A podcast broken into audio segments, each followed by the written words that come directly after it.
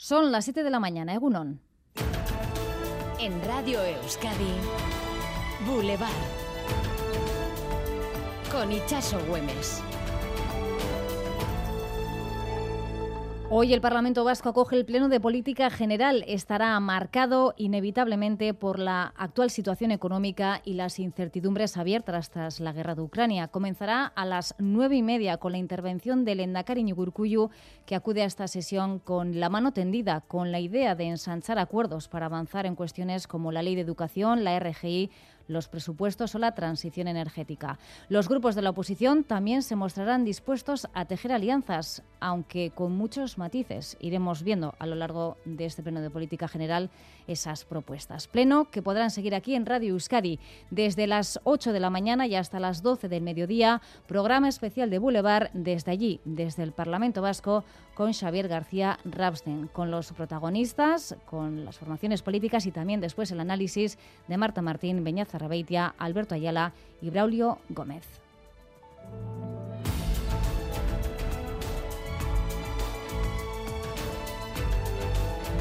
Y mientras en ciudades rusas como Moscú o San Petersburgo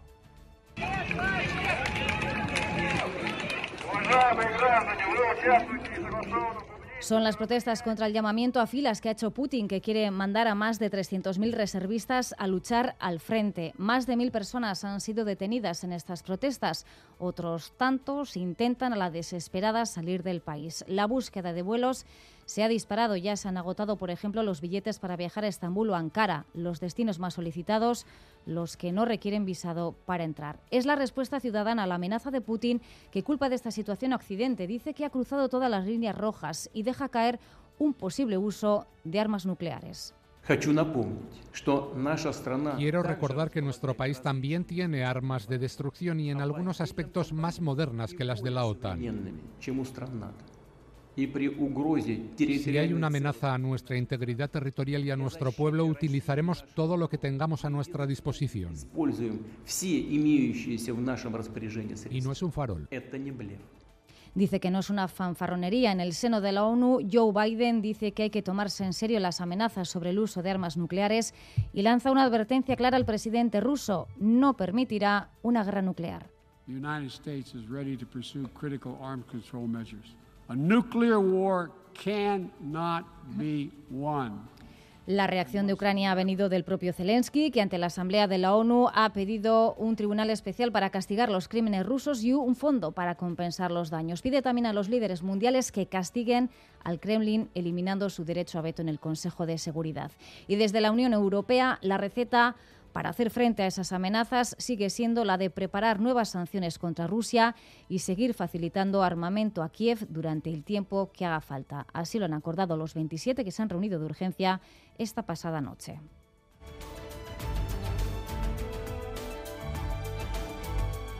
Ya anoche en Cinemaldia, un protagonista, el cineasta australiano David Cronenberg, recibió el premio Donostia. a message to me saying, it's time to stop. You've made enough films, we've seen it, we've had enough, basta, stop. Confesaba Cronenberg que en algún momento de su vida había llegado a pensar que los premios honoríficos eran más bien una invitación a la retirada, que era una manera de decir basta, pero con el tiempo decía ha entendido que no es así y ha aceptado gustoso el galardón como un aliento para seguir haciendo cine. No fue el único galardón que se concedió ayer, el premio Adarra Saría está ya en manos de Kepa Junquera. La familia del Triquitilari fue quien agradeció en nombre del artista este reconocimiento. Enseguida ampliamos estos asuntos, antes repasamos otras noticias del día en titulares con Leire García y con Natalia Díaz.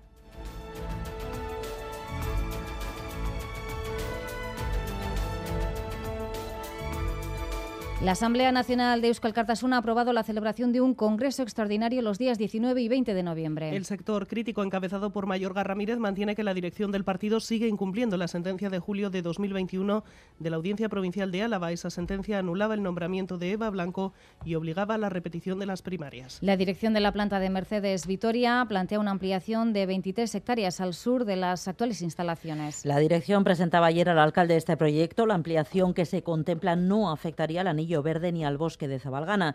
El ayuntamiento ha dado el visto bueno. La planta de Mercedes continúa pendiente de la inversión de 1.200 millones de euros anunciada por la multinacional. En Argentina, la justicia ha rechazado la posibilidad de volver a procesar al exministro Rodolfo Martín Villa. Se ha rechazado el recurso que presentaron varias asociaciones contra la anulación del auto que le había procesado por crímenes entre los años 1976 y 1978. La jueza María Servini le había procesado, entre otras, por las muertes por disparos policiales en Vitoria-Gasteiz en marzo del año 1976. Se retoman los viajes del IMSERSO entre críticas del sector hotelero por las condiciones en las que deben asumir las adjudicaciones. Sí, con precios congelados para los beneficiarios, pese al incremento de la inflación, el Ministerio de Derechos Sociales, que dirige Ione Belarra, decidió prorrogar durante dos años las condiciones de 2020, 22 euros por persona en pensión completa. Siete y seis minutos. Eh, feliz jueves, Aritz Aguirre.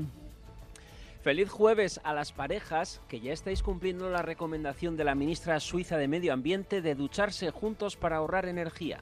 ¡Ay, que me caigo! ¡Ay, qué desagradable, niño! ¿Segura que aquí cabemos? Sí, hombre, sí cabemos, sí. Ya, yo con este agua tan caliente No sé me si lo has bañar, empezado que a poner en práctica. Itzaso. No, no he sido mi caso, no. ¿Y Pues tú, hay que tu caso? ahorrar, ¿eh? Medida que ha generado mucha polémica entre los fogosos favorables Así el baño sea chirriquitico y se bañen así apretaditos.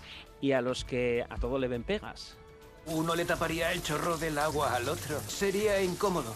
Y Que agustico la ducha después de venir sudadicos del gimnasio o con los pies cantarines de todo el día. No, hay que elegir bien con quién bañarse. ¿no? Te digo que no, no, yo no me quiero bañar con nadie, la verdad, me quiero Y bañar hay sola. quien se anima de más. La corti Que puedan enjabonarse mutuamente, que hacen espumita, etcétera. Acompañarse en ese rato. Hablar del día bajo la A luz. ver, a ver, que se supone que es para ahorrar agua lo de ducharse juntos. Yo propongo bañarse de a tres, digo, si es un tema de ahorro. Bueno, el problema es que para cumplir el consejo de la ministra hay que tener pareja. Yo también estoy en lista de espera buscando compañero para bañar. Muy bien. O igual el problema es precisamente ese, que propone ducharse en pareja. De aquellos matrimonios de más de 15 años de casados que ya no tienen ganas ni de verse O, la puede- cara. o pueden reavivar la Bueno, llama. aunque siempre pueden proponer una ducha vecinal, por ejemplo en la reunión de la comunidad, o hacerlo en familia, ducharse con la suegra. No me he metido para que nos duchemos. Si me he metido es para tener sexo contigo. Bueno, bueno, hasta aquí que nos conocemos. Jugonas, jugones. Feliz jueves. Bueno, pero Aritz, no me has eh, respondido. ¿Tú te duchas también en pareja para ahorrar agua o no? Ah, es que no te he oído. Ah, sí, sí, ah, yo ah. ya he empezado. Hay Pensaba que estabas esquivando. Con, con el tema energético. Muy bien, Aritz. Son las Pero te- 7 y 8. Caixo uno no y se repite el esquema de los... Boulevard. El tiempo. Nos acerca la previsión del tiempo desde Euskalmet. Jaione Munarri, Egunon. Caixo uno no y se repite el esquema de los últimos días. Eh, un amanecer frío, pero después ambiente soleado con unas horas centrales bastante templadas. Así pues, comenzamos el día con unas temperaturas muy similares a las de ayer, en general con un ambiente frío y también con algún banco de niebla, sobre todo en Álava. Pero en el resto, desde primeras horas, va a lucir el sol, un sol que irá suavizando el frío, templando el ambiente durante la mañana y que además el viento va a soplar con un ligero toque del sur y esto va a favorecer a que las temperaturas máximas suban algo más que ayer, de manera que en la costa podrían situarse entre los 22 y los 24 grados y el resto rondará los 25 o 26 grados. Después, eso sí, por la tarde volverá a entrar el viento del norte o nordeste refrescando el ambiente. Por tanto, el verano se despide hoy con sol y con unas temperaturas centrales cálidas. Ahora mismo los termómetros marcan 4 grados en Gasteiz y Lantarón, 7 grados en Iruña y Berriozar. En Durango los termómetros marcan 8, 11 grados hay en Bilbao, 12 en Donostia y Bayona y 13 grados en Ondarribía. En carreteras tenemos algún problema, Maider Martín. El Departamento de Seguridad da cuenta de un accidente en la A8 a la altura del túnel de Malmasín, sentido Galdacao. Aquí han colisionado un camión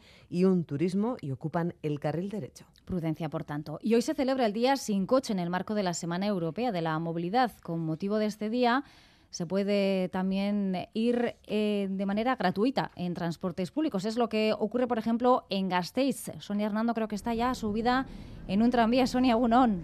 Sí, y a punto de llegar ya al destino. Esta mañana no hemos tenido que hacer el habitual gesto de acercar la bata a las canceladoras. Hoy es gratis.